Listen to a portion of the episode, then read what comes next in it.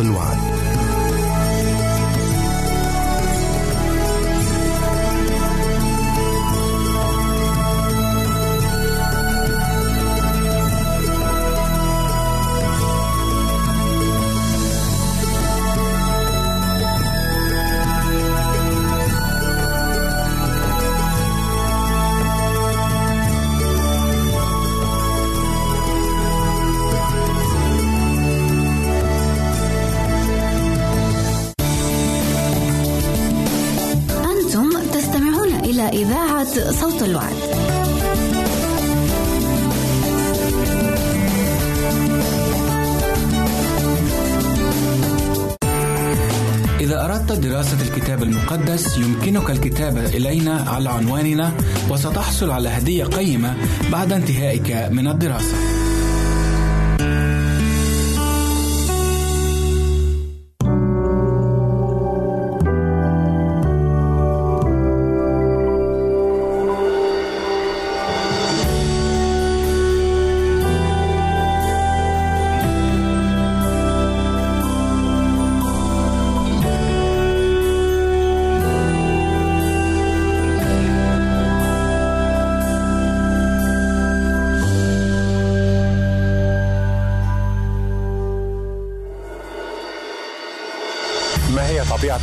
بين المرأة والقائد الروحي أو الأخلاقي له؟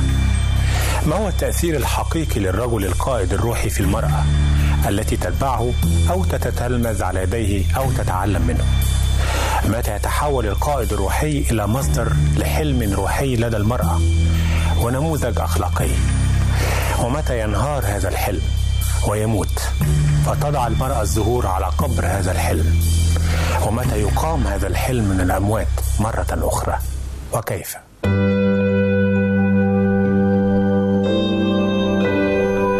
أهلا وسهلا بكم النهاردة في حلقة جديدة من برنامج علاقات رمادي. حلقة اليوم وشخصيتها نقدر نسميها كالآتي. امرأة الزهور على قبر الحلم. شخصية اليوم امرأة علاقتها مع الرجل والإنسان الكامل والمثالي والمثل الأعلى والأعظم يسوع المسيح. كانت علاقة فريدة. صارت تلك العلاقة مادة غنية جدا ليست فقط للتأملات والدراسات الروحية المسيحية بل أيضا للخيال, للخيال الإنساني والإبداع الفني عامة في الموسيقى والأدب والفن والتشكيل والدراما وغيرها. وذكرت هذه الشخصية 14 مرة في الإنجيل أو العهد الجديد. شخصية اليوم مريم المجدلية أشهر شخصية نسائية تناولها إبداع الإنسان في علاقتها بالسيد المسيح.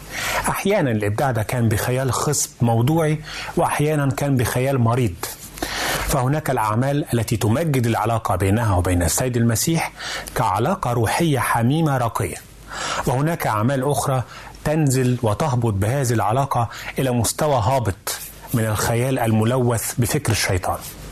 لكن الكتاب المقدس الحقيقة أوضح بجلاء سمو هذه العلاقة بين مريم المجدلية كامرأة تابعة للمعلم الأعظم يسوع المسيح كانت تتتلمذ على يديه. لكن السؤال في الملامح الفنية كيف تناول الفن علاقة مريم المجدلية بالسيد المسيح؟ وهي علاقة الإيمان والتحرير والخلاص. لوحة روبنز الشهيرة نزول الصليب. تصور هذه اللوحة الشهيرة مريم مجدلية ومعها مريم زوجة كلوبة وهما يقدمان المساعدة ليوسف ونيكوديموس في استلام جسد المسيح الممزق من على خشبة الصليب لتجهيزه كي يدفن في قبر جديد في البستان. ظلت مريم مجدلية جالسة تجاه القبر أمام القبر. تنتظر وتنظر حتى وضع يوسف جسد المسيح فيه. بكثير من الشفقة والشغف والحنان والألم. فماذا عن شخصية مريم المجدلية؟ التي شغلت اللاهوتيين ورجال الله كما شغلت الفنانين والمبدعين. ماذا عن علاقتها بالمسيح التي سمت وعلت وتفردت عن علاقات كثيرة أخرى بالسيد المسيح؟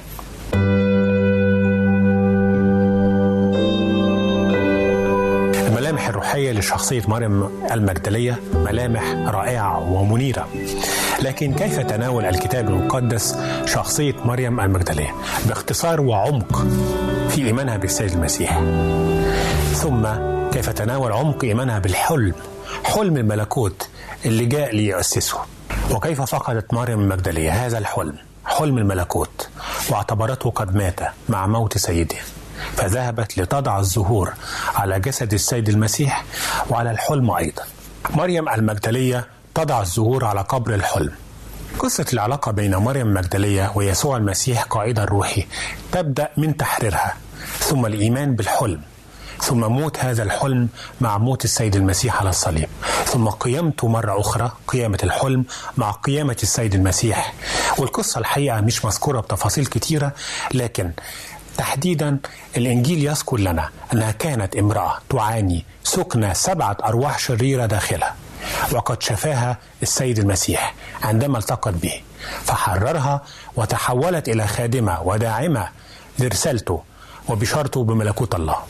ثم صاحبت المجدلية يسوع المسيح في رحلاته الكرازية والتعليمية من كل المناطق والجليل وصولا إلى أورشليم كما صاحبته في تسلسل محاكمته بأورشليم وصولا إلى الجلجثة. ثم تفاصيل صلب المسيح ثم موت الصليب فانهار الحلم الروحي. ملكوت السماوات وسيد هذا الحلم قد مات أمام عينيه ذهبت المجدلية إلى قبر المسيح عند فجر الأحد. في أول أسبوع كي تضع حنوطا على جسد المسيح. فهي مخلصة له كل الإخلاص. وكأنها تضع الزهور على الحلم بملكوت السماوات الذي دعا إليه ملك الملوك يسوع المسيح. وكأنها تقر مثل بقية أتباعه أو تلاميذه بانتهاء الرسالة على الصليب. وجدت مريم المجدلية القبر فارغا والحجر مدحرجا فبكت على سيدها. لكن جاءها يسوع المسيح وأعلن لها ذاته وقيمته بل كلفها بنقل بشارة قيمته إلى تلاميذه فقام معه الحلم أو الحلم من جديد. ولكن كيف نفهم المزيد عن شخصية مريم المجدليه عندما ذهبت بكل جرأة عند أول خيوط النهار كي تضع العطور على جسد مخلصها. كيف نفهم ذلك من الظروف التاريخية والثقافية آنذاك؟ ده بيؤدي بنا إلى الملامح الروحية لشخصية مريم المجدلية والعلاقة مع السيد المسيح. ملامح مريم المجدلية ممكن اختصار اختصارها في الآتي. واحد امرأة المرارة الروحية. الحقيقة معنى اسم مريم هو مرارة والحقيقة هو أعلى نسبة في أسماء النساء بأمريكا مثلا. كما منتشر جدا في عالمنا العربي. وكأن اسمها علامة على العذاب اللي قاسته في النصف الأول من حياتها مع سكن الشياطين قبل لقاء يسوع المسيح وشفائه. اثنين امرأة ثرية تخدم بأموالها. بتنسب مريم المجدلية في اسمها إلى مدينة مجدل أو مجدلة. وقد كانت تلك المدينة آنذاك رائجة اقتصاديا بسبب الصناعات الرائجة في النسيج والصباغة.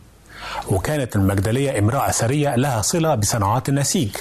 ثم تحولت إلى واحدة من اللواتي كن يدعمن خدمة المسيح وهو على الأرض. أو كان بيخدموه بأموالهم. كما يذكر ذلك البشير لوقا في إنجيل لوقا 8 من واحد لثلاثة ثلاثة امرأة بلا عائلة لكن عائلتها المريمات. لا يذكر نسب مريم المجدلية في البشائر الأربعة ولا حتى اسم عائلتها. لكن كونها حرة بالدرجة التي مكنتها من اتباع المسيح في رحلاته يوحي على حد تعبير هيربرت لوكير أنها لم تكن عليها التزامات عائلية فانضمت إلى مجموعة المريمات التابعات ليسوع المسيح واللي بيخدموه. أربعة امرأة لديها مشكلة روحية عميقة. إحنا الحقيقة مش عارفين إيه المشكلة الروحية دي. ورغم إن هناك من فسر أنها كانت كان سلوكياتها سيئة أو خاطئة لكن اللي بنعرفه بس إنها كانت تعاني من سكن الشياطين السبعة. ليها. كما ذكر عنها البشير له أبو دوح. في إصحاح 8 عدد 2 مريم التي تدعى المجدلية التي خرج منها سبعة شياطين. فهي كانت تعاني قبل الشفاء من مشكلة روحية عميقة. هذه المشكلة فتحت الأبواب داخلها على مصراعيها روحيا كي تسكنها سبعة شياطين. خمسة. ومع ذلك كانت امرأة قائدة روحية. ذكرت مريم مجدلية 14 مرة في الأناجيل باعتبارها من النساء الخادمات للسيد المسيح وبشارته والحقيقة هي كمان تذكر دائما في المقدمة مما يدل على قيادتها أو دورها القيادي وسط هؤلاء النسوة. ستة امرأة مخلصة للمعلم. كانت مريم مجدلية مخلصة إلى أبعد الحدود للمعلم الأعظم يسوع المسيح. فهي كانت من الأقلية الشديدة اللي وقفت بجانب المسيح في محنته العظيمة الصلب. رغم التهديد بأنها قد تدفع ثمن إخلاصها هذا باهظا إلا أنها كانت تقف مع أمه وأخت أمه مريم زوجة كلوبة وقد أطلق أو أطلق عليهن المريمات في مشهد أبلغ من آلاف الكلمات تعبيرا عن إخلاص المرأة في الخدمة والمحبة الروحية العفيفة. سبعة امرأة محل تقدير غير عادي. طبعا كانت شهادة المرأة في ذلك الوقت بالمجتمع اليهودي لا يؤخذ بها.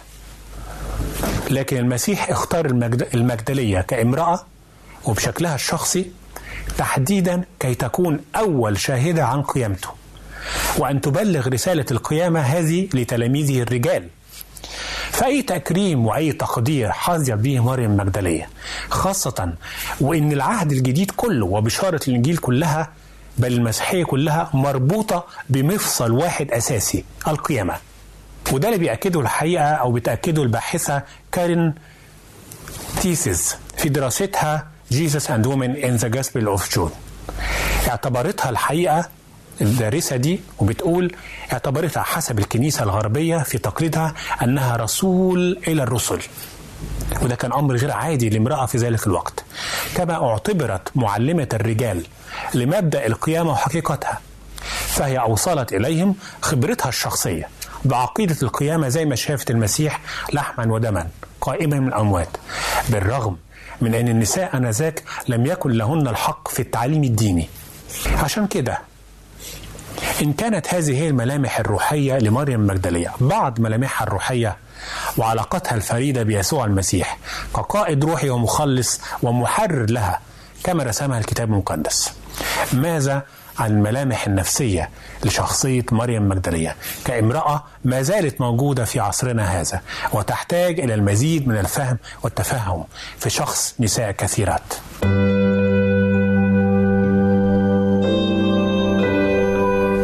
سؤال مهم. كيف نتعرف على شخصية المجدلية من علم نفس الشخصية؟ الحقيقة قبل اللقاء بالمسيح القائد الشافي كان لها صفات نفسية. وبعد اللقاء بالمسيح القائد والشافي لها أصبح لها صفات نفسية جديدة. خلينا ناخد الأول قبل اللقاء بالسيد المسيح كامرأة تعاني من سكنة سبعة شياطين وعندها مشكلة روحية عميقة حقيقية. واحد امرأة تعاني الجنون الدوري. كانت مريم مجدلية تعاني مما يمكن أن يسمى الآن الجنون الدوري أي الجنون الذي يداهم صاحبه على فترات منتظمة. كما أن تعبير السبعة شياطين الذي وصفت به مريم سبعة شياطين معناها أنه كان هناك سبعة أرواح نجسة تسكنها محاولة منهم لتدميرها على كل المستويات. عشان كده نمرة اتنين امرأة تعاني آلاما نفسية مبرحة. تعبير سبعة شياطين يدل على كمال الألم والمعاناة لأن تعبير سبعة هو الكمال في الكتاب المقدس. وهو الألم والمعاناة الكاملة تقريبا من جراء سكن الأرواح النجسة داخل المجدلية حيث العذاب النفسي الذي لا يوصف والألم الداخلي الرهيب. هناك تفسيرات الحياة بتقول أو بتذهب إلى أن هذه السكنة الشيطانية الكامنة في مريم مجدلية كان ليها تعبيرات نفسية جسدية زي الصرع والاضطرابات العصبية والهياج النفسي والعصبي. إلى جانب الصراع العقل الرهيب اللي كان بيسلبها إرادتها كثيرا. دي كانت صفات نفسية لمريم مجدلية قبل شفاء من سيد المسيح بعد اللقاء بيسوع القائد والشافي كان لها صفات نفسية أخرى تماما وكأنها تحولت بالفعل 180 درجة. واحد امرأة مشفية نفسيا محررة عقليا. شفاها السيد المسيح من اللبس الشيطاني.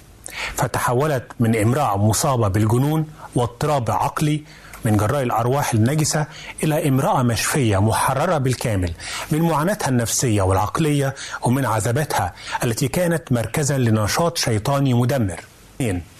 امرأة بعقلية التلميذ بعد أن تحولت المجدلية 180 درجة من حياة الاضطراب النفسي والروحي إلى حياة الهدوء والاتزان كان ينقصها التلمذة لذلك المعلم العظيم مش بس اللي كان بيشفي لكن كان بيحول الكيان المريض إلى كيان روحي سليم وعفي يستطيع أن يخدم ومملوء بفكر الله. وقد تركت المجدلية مدينتها لتتبع المعلم العظيم في كل رحلاته الكرازية والتعليمية للخلاص وكانت بتتعلم منه وعلى يديه كل أقواله وسلوكياته. ثلاثة امرأة مصلوبة تضامنا مع قائدها الروحي أيوة سجل الوحي المقدس عن مريم مدلية إنها كانت بين النسوة اللواتي اتبعنا المسيح في رحلته الأخيرة من الجليل إلى أورشليم.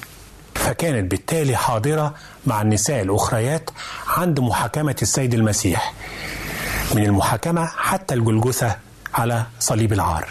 مريم مجدلية الحقيقة بتضامنها مع المعلم والقائد الروحي يسوع المسيح في كل هذه الرحلة رحلة الآلام كأنها بالضبط صلبت معه. لأن العلاقة الروحية النبيلة التي جمعتهما معا هي علاقة ليست فقط على مستوى المشاركة الوجدانية لما بنحط نفسنا مكان الشخص اللي بنحبه بل الوقوف في نفس منطقة الخطر والموت معا. وكأن مريم مجدلية تبعت السيد المسيح بصليبها الخاص بدموعها وانكسار قلبها عليه كما مشت طريق الجلجثة معاه.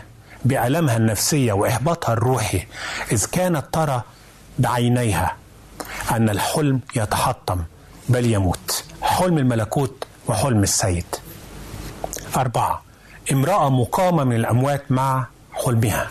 كانت مريم مجدلية آخر من ترك الصليب وأول من ذهب إلى القبر فجر الأحد.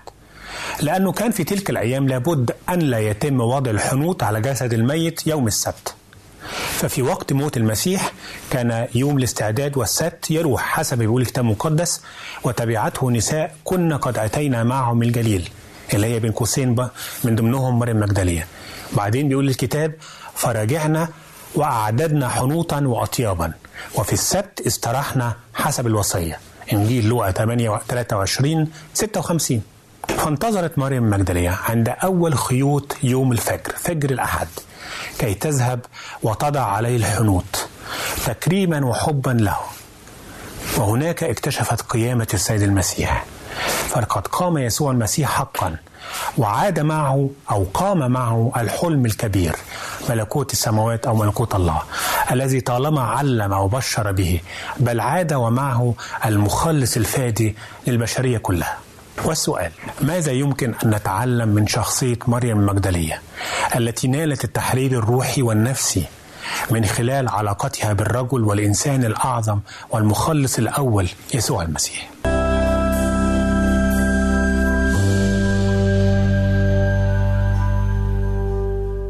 عزيزي المستمع يمكنك مراسلتنا على البريد الإلكتروني التالي Arabic at awr.org العنوان مرة أخرى Arabic at awr.org ونحن في انتظار رسائلك واقتراحاتك.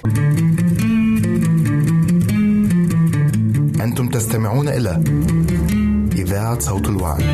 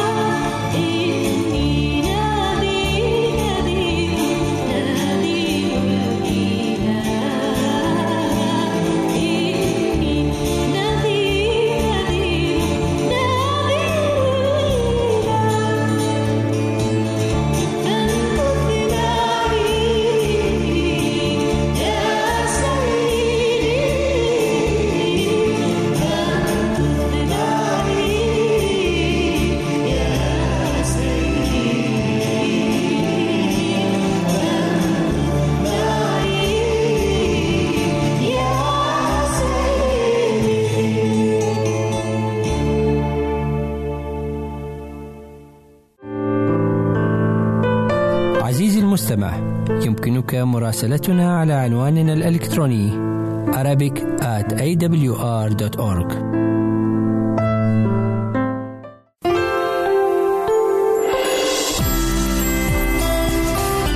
هنا إذاعة صوت الوعد. لكي يكون الوعد من نصيبك.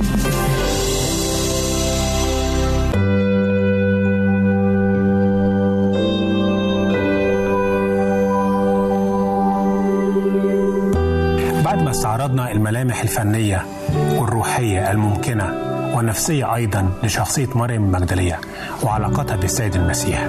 في سؤال مهم. كيف نشعر باحتياج كل امرأة انتقلت من الموت الروحي والنفسي تقريبا إلى الخلاص والحياة الجديدة لكنها فقدت فيما بعد الحلم الروحي لها؟ كيف نساعدها على قيامة الحلم الروحي من جديد في داخلها؟ فلا تضع على قبر حلمها الزهور. بل كيف تتعامل المرأة؟ كل مجدلية حاليا مع موت حلمها روحيا ونفسيا.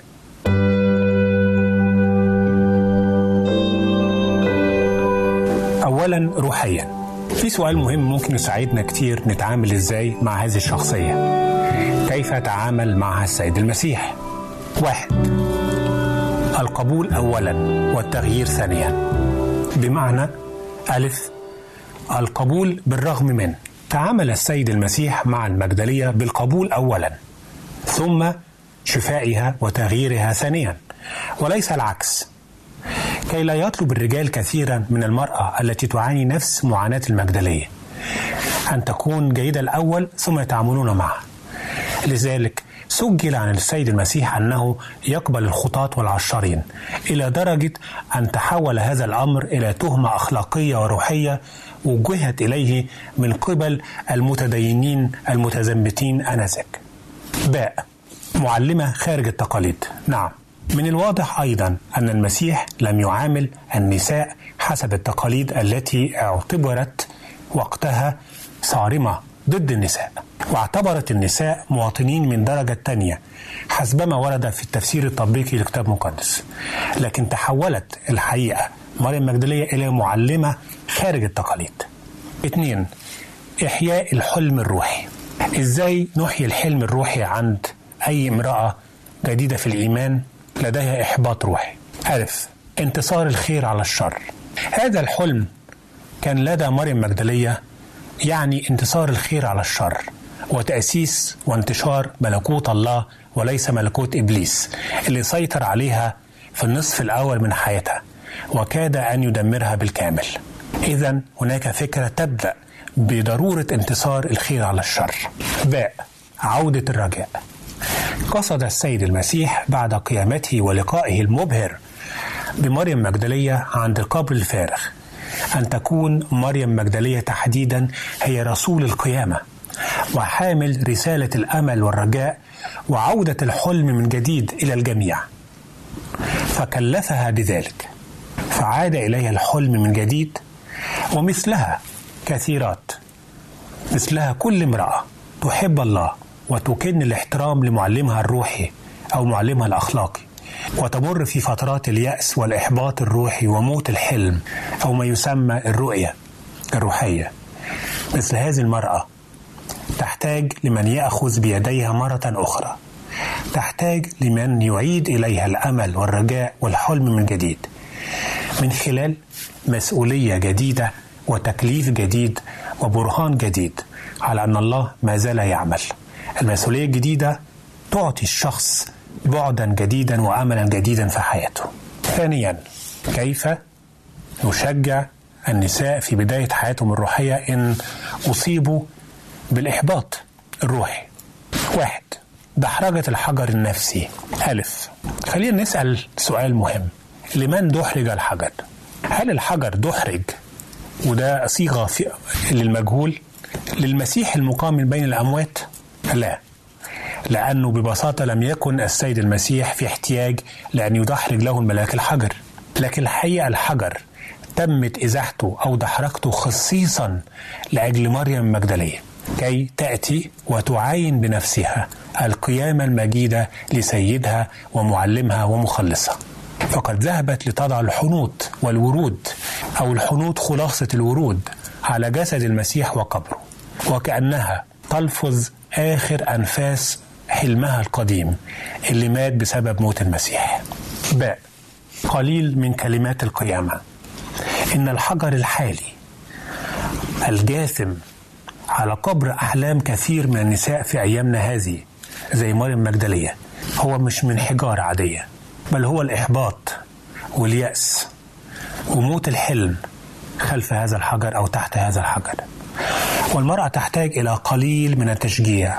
والكلمات الإيجابية وتحديدا نقدر نسميها كلمات القيامة. فالكلام الإيجابي أو الكلام بشكل عام مفتاح سحري لنفسية المرأة والتدفق الشعوري من المشاعر أو الأحاسيس بيصل إلى قلب المرأة وبالتالي يصل مباشرة إلى عقلها وكل كيانها وأسلوب تفكيرها. فالمشاعر مرتبطة بطريقة تفكيرها. اتنين خلينا نحطها تحت شعار لا تبكي. إزاي؟ ألف. سؤال الدموع. البكاء لدى المرأة أمر مهم وحيوي ويكشف الكثير من تركيباتها النفسية. فالدموع وسيلة راحة وإفضاء وتعبير وأنين وشكوى وحيرة وقلق وانفعال وحب وفرح لدى المرأة. والمرأة المجدلية ذهبت بسؤال من السيد المقام. أين الحلم؟ كما لو كانت بتسأل نفسها فين الحلم لكنها وجدت المسيح نفسه المقام. وعندما وجدته في البداية سألها هذا السؤال المهم. يا امرأة لماذا تبكين؟ وكأنه سؤال استنكاري.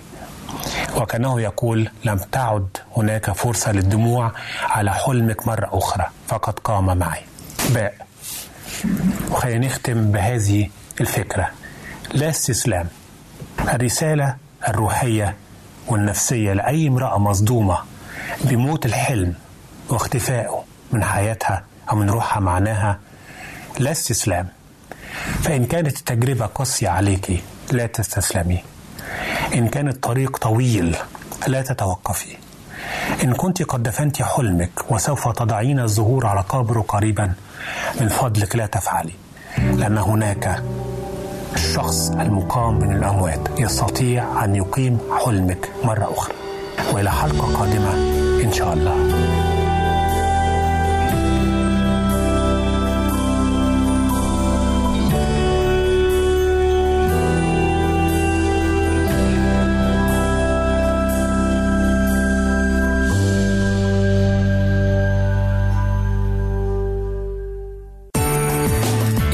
دراسة الكتاب المقدس يمكنك الكتابة إلينا على عنواننا وستحصل على هدية قيمة بعد انتهائك من الدراسة.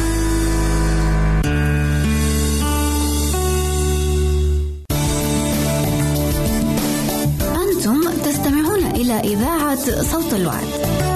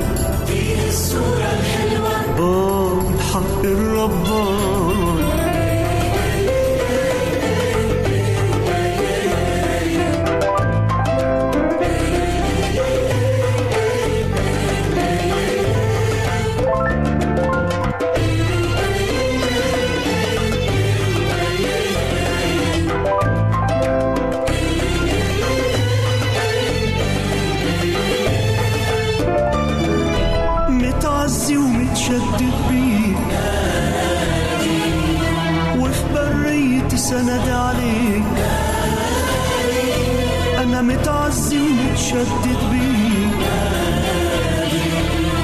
وفي بريتي سند عليك. حتى إن كان صوت الريح مش هادي هدي وداني لصوتك واعبر هادي. هدي وداني لصوتك واعبر هادي.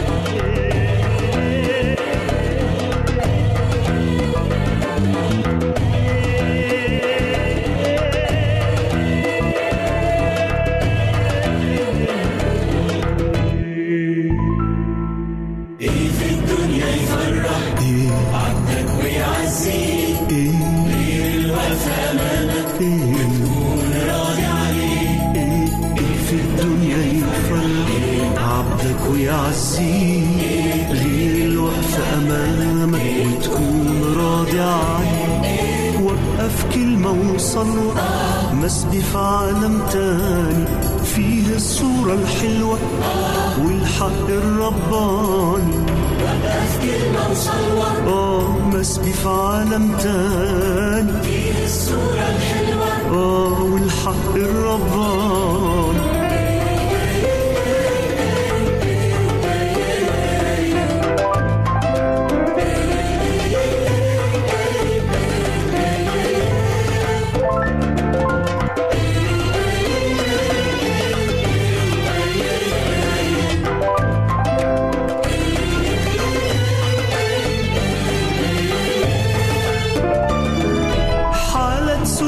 قلبي العابد لما بتأسرني بمراحمك حالة سود على قلبي العابد لما بتأسرني بمراحمك وما أقولها المخلوق على الأرض تاج راسي وعز ده سيدي تاج راسي وعز يسوع ده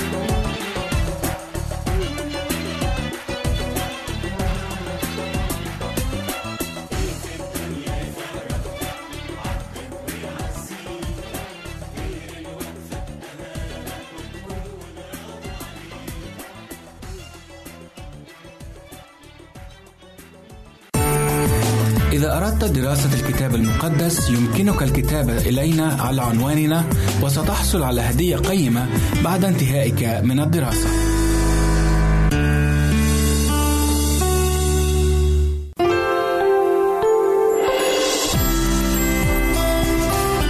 هنا إذاعة صوت الوعد. لكي يكون الوعد من نصيبك.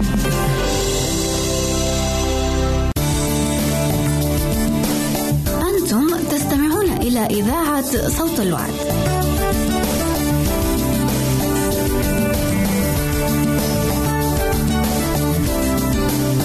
أهلا وسهلا بكم أحبائي المستمعين والمستمعات في حلقة جديدة من برنامجكم أمثال الحكيم.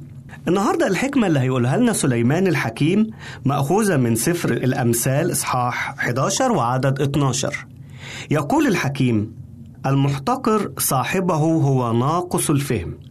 أما ذو الفهم فيسكت. أحبائي النهاردة سليمان بيتكلم عن الفرق بين الإنسان ناقص الفهم والإنسان اللي عنده فهم أو ذو الفهم. الاتنين بيتصرفوا تصرفات مختلفة عن بعضهم البعض. سليمان بيقول هنا أحبائي بيقول إن الإنسان اللي بيحتقر صاحبه هو إنسان ناقص الفهم. ممكن نقول ناقص الفهم بمعنى إن هو إنسان لا يفهم. أو إنسان تعوزه الحكمة. إنسان ما بيقدرش الأمور بشكل صحيح. إنسان ناقص الفهم. طيب إزاي الإنسان بيحتقر صاحبه؟ إيه المعنى اللي قصده سليمان الحكيم لما بيقول المحتقر صاحبه؟ هو ناقص الفهم. كلمة احتقار كلمة صعبة قوي. وكلمة لما الواحد بيفكر فيها بتصير جواه مشاعر سلبية كتير قوي خصوصا لو حد فينا اتعرض لموقف قبل كده أحرج فيه. يعني هل مثلا اتعرضت لموقف حد أحرجك فيه حد احتقرك فيه حسيت إن أنت أقل من الآخرين فبتشعر بالألم ده جواك. فما بالك إذا كنت أنت الإنسان اللي بتفعل هذه الأفعال؟ الغريبة. سليمان بيقول إن الإنسان اللي بينظر للناس نظرة أقل اللي بينظر للناس نظرة ما فيهاش عقل هو إنسان ناقص الفهم. إزاي يعني ممكن الإنسان يحتقر صاحبه؟ تعالوا نتكلم ونشوف إيه اللي كان بيقصده سليمان الحكيم هنا. بنلاقي مثلا إن الإنسان الأحمق الإنسان اللي بيتصف بالغباء اللي ما عندوش فهم اللي ما عندوش الله جوه قلبه بتلاقيه دايما يركز على عيوب الناس دايما يركز على عيوب الآخرين المحتقر صاحبه ودايما يحاول يبرز هذه المشاكل والعيوب اللي موجودة في الآخرين أمام كل الناس. وده بنلاقي إن الصفة المميزة للإنسان الغير عاقل. الصفة المميزة للإنسان الغير عاقل إنه دايما يوبخ الآخرين دايما يتصيد الأخطاء ليهم يعني ما يصدق يشوف أي عيب أي غلطة أي هفوة ويحاول إن هو يوبخ وينتقد عشان يظهر نفسه إن هو أحسن من الشخص الآخر. ويا ريت بيعمل كده في السر. لا ده كمان الراجل أو الشخص اللي هو ناقص الفهم لما بيجي يوبخ بيعملها إزاي؟ بيعملها في العلن بيعملها قدام الناس ما بيصدق يلاقي عيوب في الناس على أساس إن هو يظهرها للآخرين. فبتكون النتيجة إحراج. تخيل بقى لو واحد كده مثلا في وسط مجموعة وعمل هفوة هفوة بسيطة جدا ويلاقي شخص تاني يقول له إيه اللي أنت عملته؟ يا راجل عيب ده غلط أنت ما بتعرفش الذوق أنت ما بتعرفش تتكلم ويبتدي ينتقد ويبتدي يوبخ. آه الكتاب بيقول لأ الشخص دوا هو ناقص الفهم. ده ناقص الفهم ده مش بيكبر نفسه قدام الناس ده مش بيوري نفسه إن هو إنسان بلا عيوب بالعكس الناس بتقول له إيه اللي بتعمله؟ ليه بتوبخ الآخرين؟ في أمثلة في الكتاب المقدس عن إزاي الناس بتحتقر بعضيها. إزاي ممكن الاحتقار ده يكون صفة مذمومة جدا جدا. مثلا تعالوا نشوف في العهد القديم لما ربنا اختار شاول شاول الملك إن هو يبقى ملك على بني إسرائيل وده كان أول ملك ربنا يختاره. الشعب لما شافوا شاول البعض منهم قال إيه؟ مين شاول؟ ده من بيت مين؟ ده من سبط إيه؟ من سبط بنيامين؟ مين شاول؟ مين عيلته؟ وابتدوا يحتقروه ويحتقروا اختيار الرب. هنا نلاحظ بقى وبنلاحظ هنا رد الفعل. شاول عمل إيه؟ شاول سكت صمت. ليه؟ لأنه هيدافع عن نفسه يقول إيه؟ ما هو سبته فعلا هو أصغر الأسباط في إسرائيل وهو من أصغر العائلات. ولكن الناس اللي احتقرته احتقرته من غير ما يشوفوا إمكانياته من غير ما يختبروه من غير ما يعرفوا هل هو مؤهل ولا لا من غير ما يدركوا هل رأيهم صح أو غلط إلى إن ربنا استخدمه وعمل بيه نصرة لشعب إسرائيل. بعدها قالوا آه لا ده إحنا كنا غلطانين. طب ما كان من الأول تصبروا شوية. ليه بتحتقر غيرك؟ عشان أقل في المكانة أقل في العيلة أقل في الإمكانيات. أنت تظن أنه هو غير قادر على فعل مسؤولياته؟ اصبر انتظر ولا تحقر من الآخرين. حتى الرب يسوع لما جه على الأرض. لما ابتدى خدمته الاحتقار ما, ما سابش الرب يسوع. قادة اليهود نفسه احتقروه. مين ده؟ مين ده؟ الشعب نفسه احتقر الرب يسوع. مش هو ده يوسف النجار اللي أمه اسمها مريم واللي إخواته فلان وفلان وفلان؟ مين هم دول؟ دول من عامة الشعب. وللأسف ده كان عائق شديد جدا جدا جدا إن هم يرفضوا رسالة الخلاص اللي كان بيقدمها لهم وهلكوا بسبب احتقارهم للرب يسوع. شفتوا الاحتكار بيعمل إيه للناس؟ شفتوا الاحتكار أفتكر أيضا فرعون. فرعون لما موسى جه بيقول له ربنا بعت لي وبيقول لي اخرج الشعب من أرض مصر. فرعون كده بكل تصلف يقول له مين هو إلهك؟ أنا ما أعرفش إلهك ده أنا ما أعرفش إلهك. ليه؟ لأن حسب اعتقاد المصريين كان الفرعون هو الإله. فمين إله إسرائيل ده اللي يجي ويفرض عليا شيء أنا مش عايزه؟ واحتقر احتقر إله إسرائيل. وكانت النتيجة إيه؟ كانت النتيجة إن فرعون غرق في البحر هو وجنوده. شفتوا نتيجة احتقار الآخرين يا أحبائي؟ الكتاب بيقول سليمان بيقول لنا ما تحتقرش حد ما تحتقرش حد ما تشهرش بالناس ما تقولش عيوبهم ما تقولش أخطائهم ما تبحثش عن زلاتهم ما تعملش كده. ليه؟ لأن المحتقر صاحبه هو ناقص الفهم هو ناقص الفهم. بس نشكر ربنا إن في نوع تاني بقى النوع التاني اللي إحنا عايزين نكون منه عايزين نكون زيه. أما ذو الفهم فيسكت. وهنا بقى الغرابة شوية. ذو الفهم يسكت وكلمة الفهم بالمناسبة هنا في الأساس الترجمة بتاعتها في العبرية. وأما ذو القلب يعني اللي عنده قلب ليه؟ لأن القلب لما يكون الإنسان عنده قلب حساس قلب رقيق بيشعر بالآخرين دايما تصرفاته بتكون تصرفات منطقية فالقلب دايما هو أساس اتخاذ الايه؟ القرارات للإنسان وهو اللي بيدي الدوافع للعقل إن هو يتخذ القرارات أما ذو الفهم فيسكت يسكت عن إيه؟ آه يسكت عن عيوب الآخرين يخفي تلك العيوب والنقائص. شوفوا الإنسان اللي هو ما عندوش فهم بيفضح بيشهر لكن الإنسان اللي هو عنده فهم الإنسان الحكيم الإنسان اللي جواه المسيح في قلبه يسكت يسكت ليه؟ لأنك ليه أتكلم عن الآخرين؟ ليه أشهر بيهم؟ ليه أحاول أن أنا أخليهم في مكان أقل من الآخرين؟ ليه أخلي الناس يبص لهم أو ينظروا لهم نظرة سيئة لا ما ينفعش ما ينفعش عشان كده الإنسان الحكيم دايما بيفكر قبل ما يتكلم. مش كل كلمة يقولها. وإذا مثلا بنواجه ناس كتيرة إحنا أحبائي نقول طب وده أقول عنه إيه؟ طب ما أنا مش لاقي كلام كويس أقوله عنه. طيب مش لاقي كلام كويس أسكت ما تتكلمش. خلاص الحل كده. سليمان الحكيم بيدينا الحكمة دي.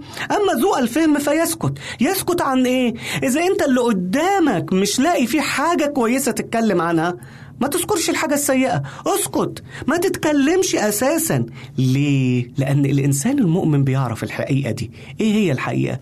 إن مفيش ولا إنسان منا إلا وله عيوبه وليه أخطائه مهما كان الإنسان ده حكيم مهما كان الإنسان ده متعلم مهما كان الإنسان ده مقتدر في الفكر مهما كان الإنسان ده ليه إمكانياته ولكن جميعا بلا استثناء لينا عيوبنا ولينا أخطائنا ولينا نقاط الضعف اللي فينا. طيب ليه أنا أعاير غيري؟ إذا أنا نفسي فيا نقاط ضعف.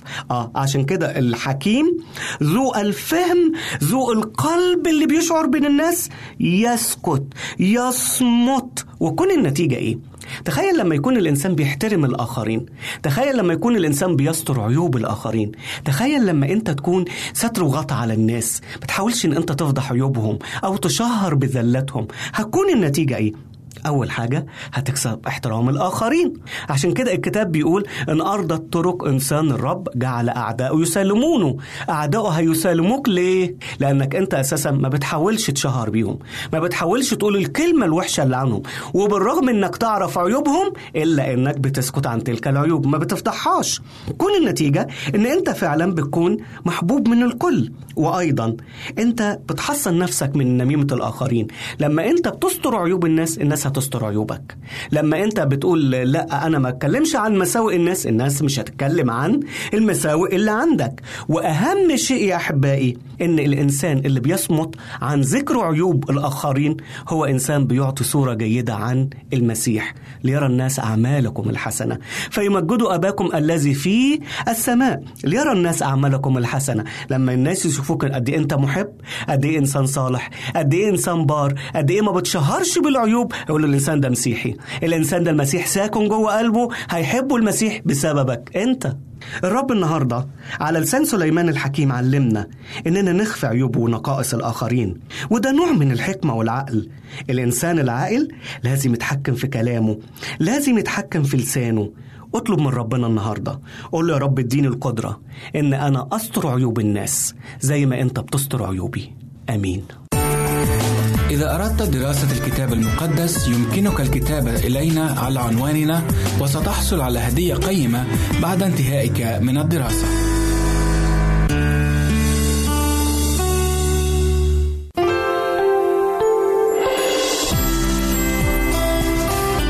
هنا إذاعة صوت الوعد.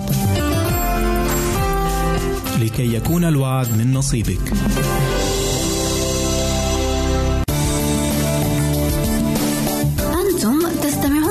إذاعة صوت الوعد.